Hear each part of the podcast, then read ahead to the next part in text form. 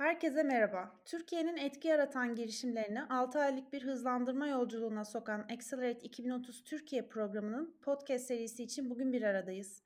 Podcast serimizde program yararlanıcıları ve paydaşlarından programla ilgili deneyimlerini, programın onlara neler kattığını ve biraz da sosyal ve etki girişimciliği üzerine konuşacağız.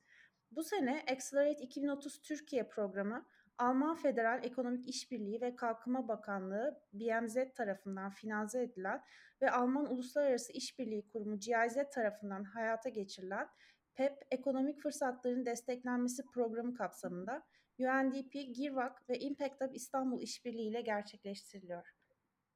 Accelerate 2030 Türkiye etki girişimlerini 6 aylık bir hızlandırma yolculuğuna sokuyor. Bu yolculukta etki girişimleri mentorluk, eğitim ve uzman desteğine sahip oluyor. Accelerate 2030 Türkiye disiplinler arası ve çok paydaşlı bir yaklaşımla yerel paydaşları bir araya getiriyor ve paydaşlar ile girişimler arasında işbirliği potansiyeli yaratıyor. Podcast serimizin bugünkü ilk bölümünde program girişimlerinden Gens Biyotek'in kurucusu Umut Ağyüz ve kendisi de bir girişimci ve melek yatırımcı olan mentoru Erman Turan ile karşınızdayız. Hoş geldiniz Umut Bey, hoş geldiniz Erman Bey. Merhabalar, teşekkürler. Umut Bey sizle başlayalım. Bize biraz Gens Biyotek'ten ve neden bu programa dahil olmak istediğinizden bahseder misiniz? Tabii, memnuniyetle. Öncelikle çok teşekkürler böyle güzel bir yayına davetiniz için. Umarım bizden sonra gelecek olan girişimci arkadaşlar için de çok başarılı bir e, serüven yolculuğun özeti olarak kalır diye umut ediyorum. Ben Gens Biyoteknoloji'nin kurucusuyum. Kendim biyomedikal mühendisiyim. 2017 yılında Türkiye'de sayılı venture capital'lar arasına giren iki VC ile birlikte e, yatırım alarak kurduk Gens Biyoteknoloji'yi. Ana amacımız Gens Biyoteknoloji'de yeni nesil tanı teknolojileri geliştirmek aslında. E, biz sağlığın e, en azından tanı tarafının daha ulaşılabilir olmasını öngörüyoruz ve bu amaç için hizmet etmeye çalışıyoruz. E, rutinde olan e, tanı teknolojilerini daha çok geliştirmek ve e, tanı denilince insanların daha ulaşabildiği, daha kalıcı çözümler üretmek için inovatif hedefler koyuyoruz kendimize. Sadece bir tanı şirketi olarak telendirmek aslında Beyaz bir teknolojiyi çok e, yanlış olur, çok kısıtlayıcı olur. Biz Genz'de her zaman bunu bir inovasyon olarak düşündük. Tanıda en problematik olan taraflara hedef koyup kendimize buralarda çözüm üretmeye başladık, çalıştık. E, şu ana kadar da e, giriş nedenimiz insanlara daha teknolojik tanıya, daha rahat bir şekilde ulaşabilmelerini sağlamak için e, çeşitli e, ürünleri de sahaya indirmiş olduk. E, Ticaret Bakanlığı destekleriyle birlikte Sağlık Bakanlığı'ndan onaylar alarak e, ulaşılabilir birkaç ürünümüz de e, ticarileşmiş oldu.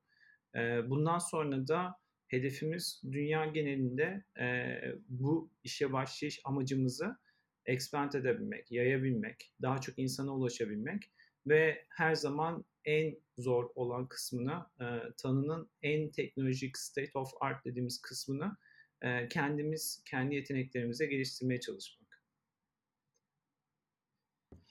Evet, e, bayağı kapsamlı ve gerçekten dolu dolu bir amacınız ve etkiniz var. Ee, Erman Bey peki siz neden bu programa dahil olmak istediniz? Yani ekosistemin içinde e, uzun yıllardır aslında aktifsiniz e, birçok rolünüzle. Sizce bu programın ekosisteme nasıl bir etkisi var e, ve aslında sürdürülebilirliğe nasıl bir etkisi var? Ee, öncelikle ben de teşekkür ederim ee, hem bu podcast serisine davet ettiğiniz için hem de programa davet ettiğiniz için. Ee, ben de aslında Umut gibi bir biyomedikal mühendisiyim. Biyomedikal mühendisliği mezunuyum. Ardından da biraz da e, biyomedikal bilimlerinde ve biyobilimlerde girişimcilik e, yüksek lisansı yaptım. E, aslında programı ilk e, sizden dinlediğimde e, öncelikli olarak uzun süreli bir mentorluk programının e, bence etkileri çok daha farklı oluyor. E, ondan dolayı bu programa dahil olmak istedim. E, çünkü günün sonunda yani çok farklı farklı ve üniversitelerde, teknoparklarda ya da farklı programlarda mentorluk yapıyor olsam bile e, yani birkaç kez mentorluk yapmanın ya da birkaç gün ya da birkaç saat mentorluk yapmakla birkaç ay e, üst üste görüşüp aslında beraber çalışmanın çok farklı olduğunu düşünüyorum girişimlerle. Bir kere bundan dolayı dahil olmak istedim. İkincisinde hedefli bir seçim ve doğru girişimle doğru mentoru buluşturduğundan dolayı böyle programa dahil olmak istedim. Yani özellikle mentorluklarda benim dikkat ettiğim şey gerçekten faydam olabilecek, gerçekten bir değer katabileceğim bir girişim var mı?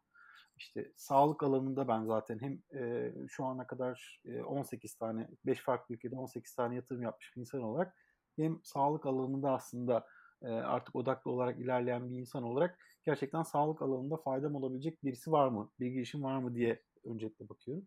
Ondan dolayı bu hedefli bir seçim ve doğru girişim ve doğru mentoru bence eşleştirmek çok önemli. E, bunun tabii ki etkileri daha farklı oluyor. E, neden farklı oluyor? İşte sorduğunuz gibi ekosisteme nasıl bir etkisi var? Aslında e, bu iki şeyi de doğru yaparak hem mentor eşleşmesi hem de biraz daha uzun süreli çalışmaya olanak sağlayarak e, aslında problemleri daha iyi çözüm bulabiliyorsunuz ve girişimciyle bere, beraber birebir çalışma imkanı buluyorsunuz.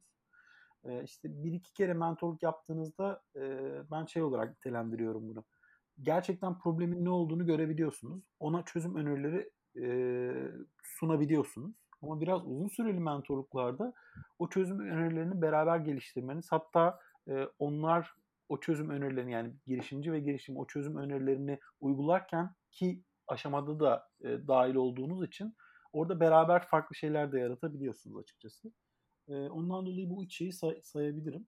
E, ve aslında günün sonunda biraz uzun süreli mentorluk beraber çalışmak ya da danışmanlık yapmaktan ziyade e, o yolculukta beraber ilerlemek ve ber- beraber bir ilerleme gösterebilmek olduğu için iki taraf için de daha anlamlı oluyor bence. Evet, Umut Bey'e o zaman şöyle bir sorum var benim. E, bu programda e, yaklaşık iki, iki buçuk aydır Erman Bey'le beraber çalışıyorsunuz. Aynı yolda yürüyorsunuz.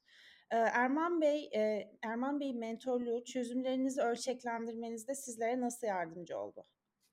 Aa, süper. Ee, öncelikle Erman Bey aslında durumu çok güzel özetledi. Yani startup ne, mentor neden bir startup'ın işine yarar, ee, neden vardır, neden olmalıdır.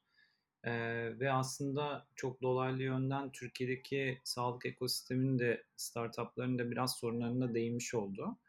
Ee, öncelikle e, Erman Bey'in e, bizimle aynı background'dan geliyor oluşu, e, bizimle aynı dili konuşuyor oluşu bizim için çok kıymetliydi.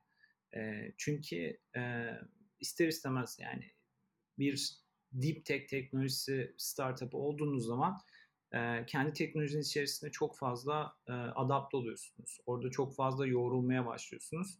Ve dışarı çıktığınızda belki en basit şeyleri bile yani bu ürünü nasıl satacağınız ya da nasıl anlatacağınız ya da şirketi nasıl anlatacağınızı kavrayamıyor hale geliyorsunuz. Yani gözünüze bir perde iniyor. Önemli olan teknik sorunları çok gözünüzde büyütüp onlara çok fazla odaklanmaya başlıyorsunuz. Ama yani sağlık deyince tabii ki yüzlerce yıllık belki işte 50 yıllık 20 yıllık minimum e, şirketlerle e, kıyaslandığınız bir e, pazardan bahsediyoruz. Burada e, onların seviyesi yani onların oturmuş olan e, bütün birimlerine yani her yere hakim oldukları kadar siz olamıyorsunuz. Siz kendi seçtiğiniz startup olarak seçtiğiniz hedefe, problem çözümüne doğru koşarken aslında e, işin business tarafında eksikleriniz oluyor. Bizim de bir mentordan aslında en çok beklentimiz de buydu. Evet etki yaratmak istiyoruz. Elimizde probleme çözüm olabilecek bir e, aday var, prototip diyeyim ya da ürün diyelim. E, ama bunu sorun yaşayanlarla nasıl buluşturacağız? İşte orada devreye iş giriyor. Yani her şey e, planlandığı gibi olmuyor iş hayatında maalesef. E, bir startup'ın da bu experience olmadığı için kendi dilinden konuşan bir mentörün e, ona experience'larından, tecrübelerinden yararlanarak doğru rotayı çizmesi çok önemli. Biz de e, Türkiye'de maalesef buna çok fazla yani çok az sayıda ulaşabildiğimiz insan var diyebilirim. E, Erman Bey de bunlardan bir tanesiydi. Biz zaten e, yani girişimcilik ekosisteminden e, Ankara'da birkaç defa gördüğüm, bildiğim bir e, başarılı bulduğum bir mentor zaten kendisi. E, Accelerate 2030 sayesinde daha çok mesai şansımız oldu birlikte de e, yoğurunca aa evet bakın buraya odaklanmamıştık işte sektörde şunlar da vardı bunu da e, bu açıkları da aslında biz atlamıştık ignore ediyoruz ama bunlara da yol, e, odaklanmamız lazım dediğimiz e, teknik dışı işlere de e, aslında e, odaklanmış olduk. Yani böyle bir fırsat verdi bize. E, birlikte yaptığımız mesai ve çalışmamız. E, biz de bundan yararlanarak e, kendimizi artık teknoloji bir yere kadar yani over engineering de belli bir sınırı vardır. Oraya da geçmemiz gerekir. Artık bu saatten sonra bizim e, gerçek yani artık bir şirkete dönüşebilmemiz için yani startup'tan işte e, mature seviyeye geçebilmemiz için bunları bunları bunları yapmamız gerekiyor dediğimiz bir plan koyduk kendimize. Hedeflerimiz uygun olarak açıkçası. Evet ve bundan sonraki planlarınız nedir mesela e, yurt dışına açılmak için? Hani birazcık e, biliyorum belki gizli bilgiler ama e, izleyicilerimizle paylaşabildiğiniz kadar. Evet, e, aslında çok da gizli değil. E, ama e, daha iyi anlayabilmeniz için aslında Erman Bey daha iyi anlatır bunu. E, Tamam. Kelimeleri daha güzel kullanıyor aslında. Belki onunla gelse daha güzel olurdu. Tamam. Ee, ama birazcık çok ufak sektörden bahsedeyim. Şimdi çok yakın bir tarihte Theranos diye bir vaka yaşamış bir dünyadan bahsediyoruz. Ee, ve bizle aynı terminoloji kullanıyor. İşte bir damla kandan sayısız test yapacağım vesaire ve işte büyük bir haber. Silikon Vadisi'nin en çok kazanan startup'ı ve bir anda fake olduğu ortaya çıkıyor. İnanılmaz bir güven kaybı yatırımcıda, işte, e, kullanıcıda vesaire. Hani bir sürü davalar falan. Hala hakkında belgesel yapılıyor. Yıllar geçmiş olmasına rağmen. Bir yandan pandemi çıkıyor. Son iki yıldır hayatımız içerisinde ve birçok şirkete eksen kayması yaşatan bir yani yüzyılda bir olabilecek bir olay. Ve tanı en önemli noktalarından bir tanesi. Yani aşı, tanı ve e, Covid ile ilgili tedaviler yani ilaçlar.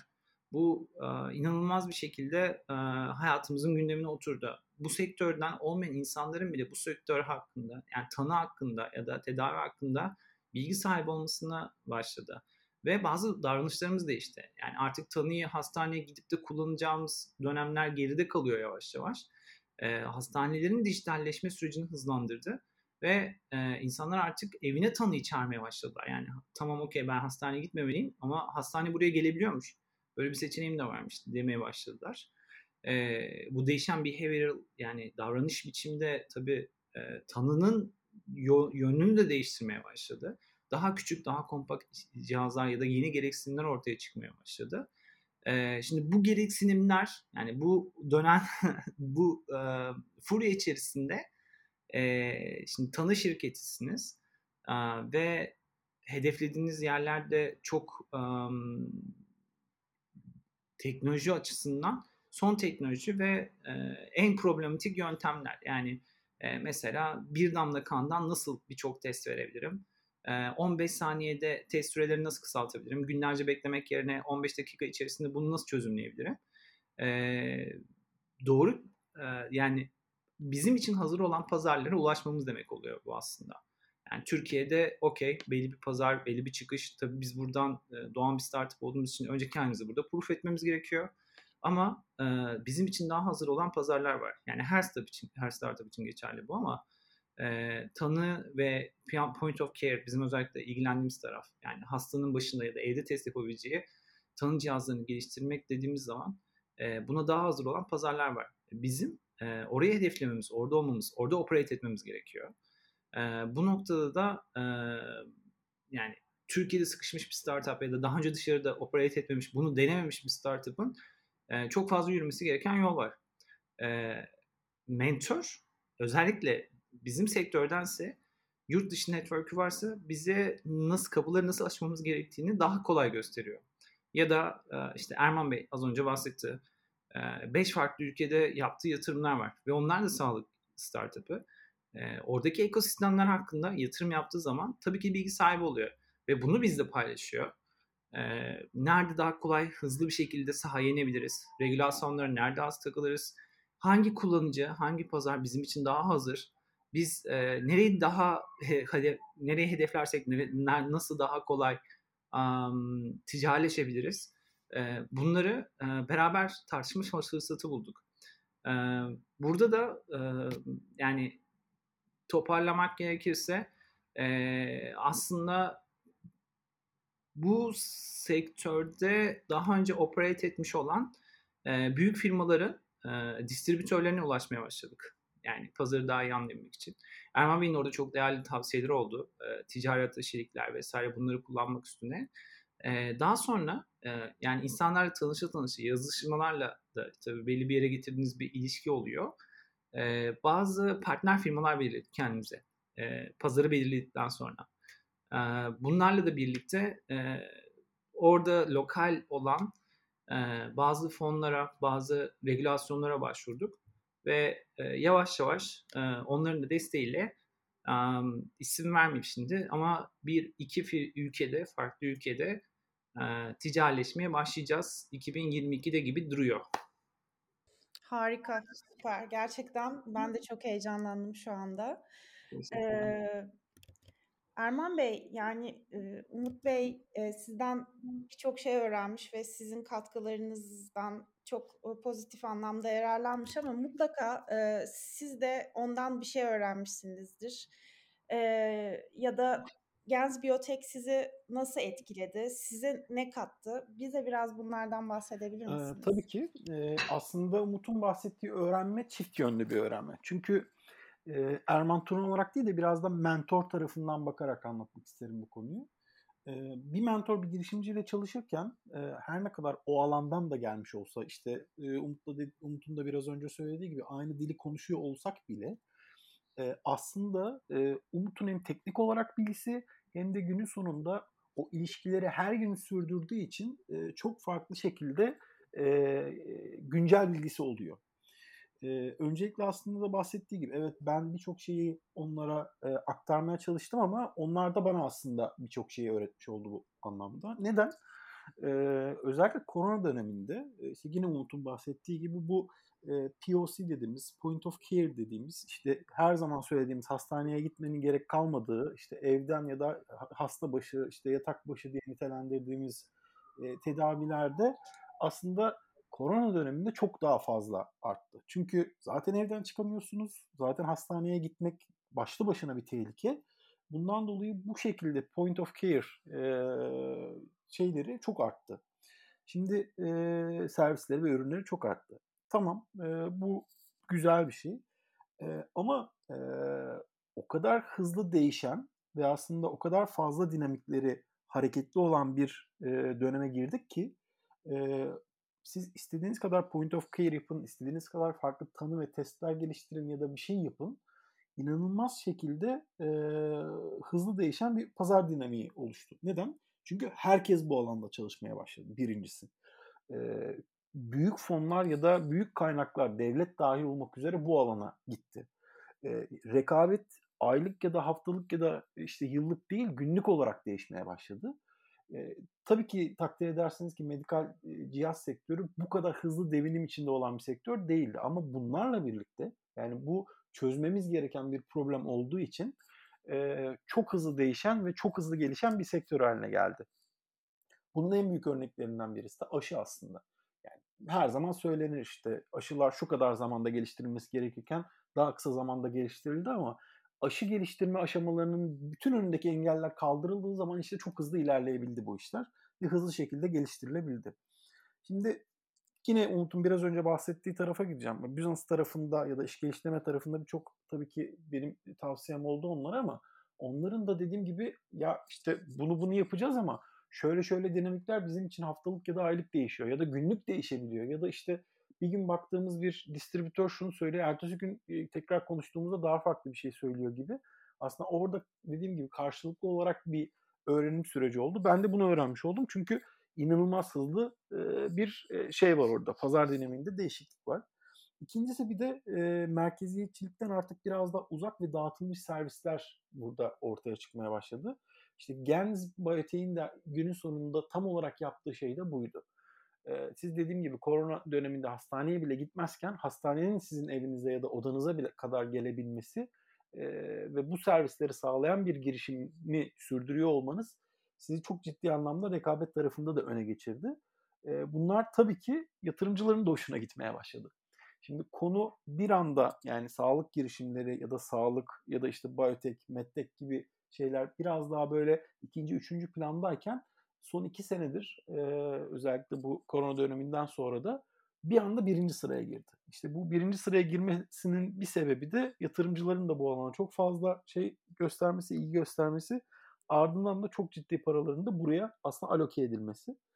Ee, ondan dolayı Umutların yaptığı işin çok değerli ve önemli olduğunu zaten biliyorum. Ee, yani günün sonunda e, işte point of care aslında gelecek hastaneleri point of care'lardan oluşacak.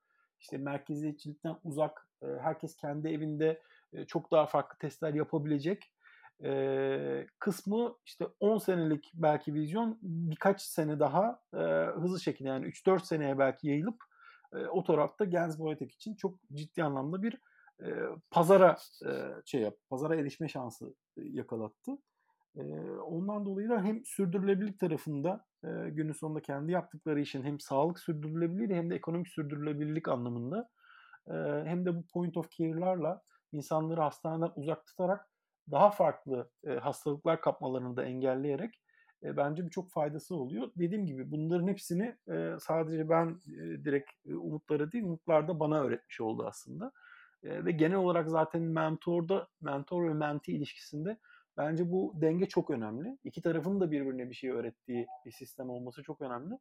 Ve uzun dönemli de bunu yapabildiğimiz için e, bence iki taraf için de çok faydalı bir e, öğrenim süreci oldu diyebilirim. Evet, e, gerçekten çok güzel bir ilişki. İki tarafta besleniyor. E, yani aslında her mentor ve menti ilişkisi de böyle olmalı biraz. Ben şimdi ikinize de bir soru sormak istiyorum. Şimdi şimdiye ve geleceğe uzun soluklu değerler bırakmak isteyen girişimcilere ne önerirsiniz? Erman Bey sizle başlayabiliriz isterseniz. Tabii ki. Aslında e, şimdiye ve geleceğe uzun soluklu değerler bırakmak isteyen girişimciler e, genelde zaten ya şimdiye ve hem şimdiye hem de geleceğe aslında uzun soluklu değerler değerler bırakmak isteyen insanlara biz biraz da girişimci diyoruz. Hep uzun vadeli düşünmelerini isteriz ve sadece birkaç yıl sonrası değil belki 5-10 sene ileriye e, dönüp bakmalarını isteriz. O yüzden ben kısa vadeli düşünmek yerine biraz daha uzun vadeli düşünmelerini aslında tavsiye ederim. E, ikincisi bizim ülkemizde birazcık daha böyle tabii ki e, kapital bolluğu yaşayan bir ülke değiliz. Yani yatırım ve yatırımcı bolluğu yaşayan bir ülke maalesef değiliz ki aslında günün sonunda hemen hemen bütün ekosistemler böyledir. O denge hiçbir zaman e, dengeli değildir diye, diyebilirim. E, ama bizim ülkemizde bu biraz daha farklı. E, genelde yatırım ya da yatırımcı odaklı düşünüyor bence e, startuplar, girişimler.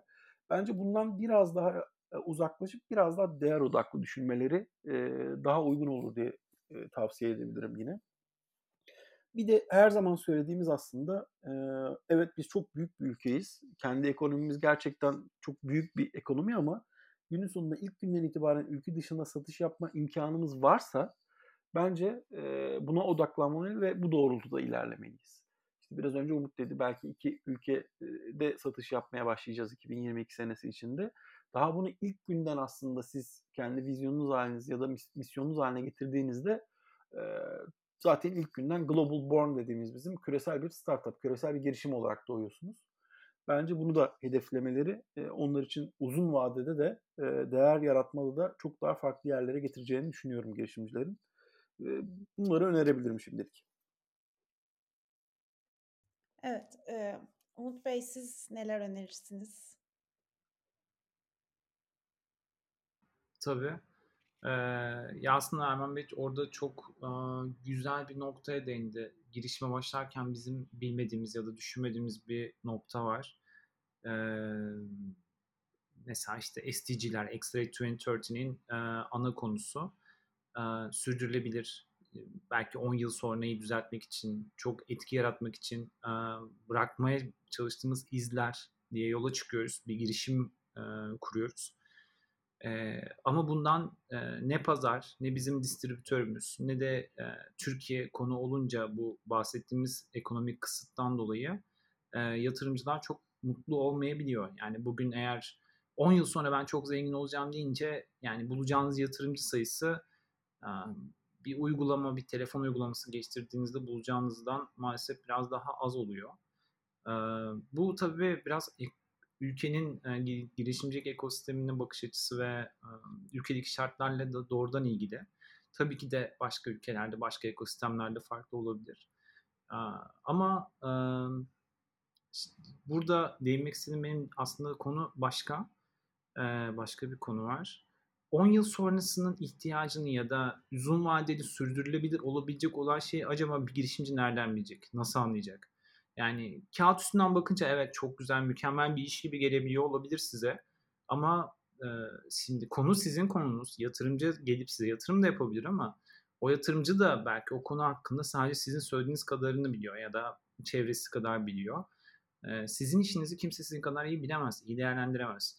Siz ne kadar biliyorsunuz? O problemin ya da probleme çözüm ürettiğiniz zaman o ürünün gerçekten milyonlar tarafından kullanabileceğini ve yıllar boyunca kullanacağını, kullanacağını nereden biliyorsunuz?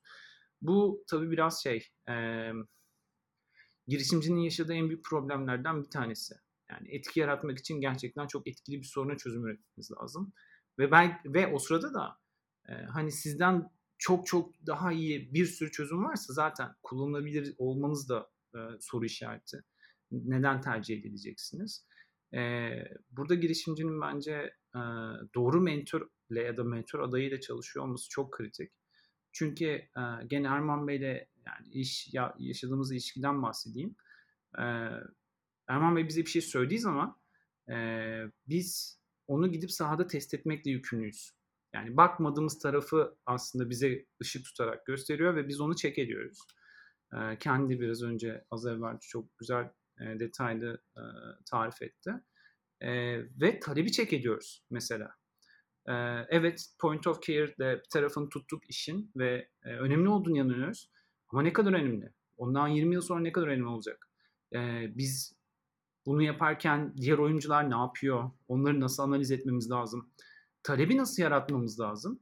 Ve hani konuşmanın ilk başına bahsetmiştim ya bazı ülkelerde bazı insanlar sadece Google'dan ya da YouTube'dan e, bazı belgeselleri izledikleri zaman ön yargı oluşuyor.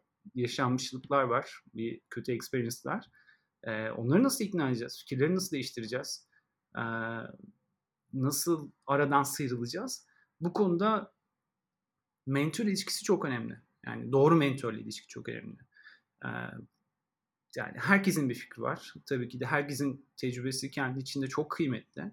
Ama yani çok farklı e, alanlarda mentorlarla çalışmış biri olarak söylüyorum. E, sektörünüzden olmayan bir mentorun e, bilgileri her zaman sizi doğru hedefe götürecek diye bir şey yok. Yani herkese konuşmalı. Ama özellikle sizden olan, yani sizin sektörünüzde başarılı olmuş bir mentor bulabiliyorsanız e, onun söylemlerine daha çok önem vermek çok kıymetli.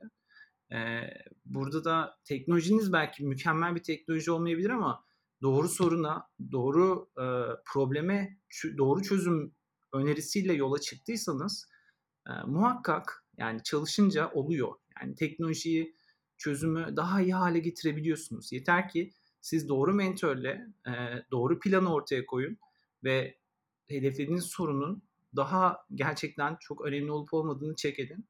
Bence girişimcilerin en başta yapması gereken e, o strateji bu olmalı diye düşünüyorum. Evet, daha çok konuşulacak şey var ama maalesef bugünkü bölümün sonuna geldik. Ee, konuklarımıza tekrar teşekkür ediyorum ben. Ee, dolu dolu bir sohbet oldu. Ee, dinleyicilerimiz projemiz hakkında daha fazla bilgi edinmek isterse accelerate2030.net slash turkey slash web sitesini ziyaret edebilir veya Türkiye Girişimcilik Vakfı'nın ve Impact Hub İstanbul sosyal medya hesaplarını takip edebilir. Bir sonraki podcast bölümümüzde bu sene başka bir Accelerate 2030 Türkiye girişimi olan Macerita'nın kurucusu Batuhan Atılgan ile program mentoru Ozan Sönmez ile birlikte olacağız. Bizi dinlediğiniz için teşekkür eder. Dünya için daha çok pozitif etki yaratmanızı dileriz.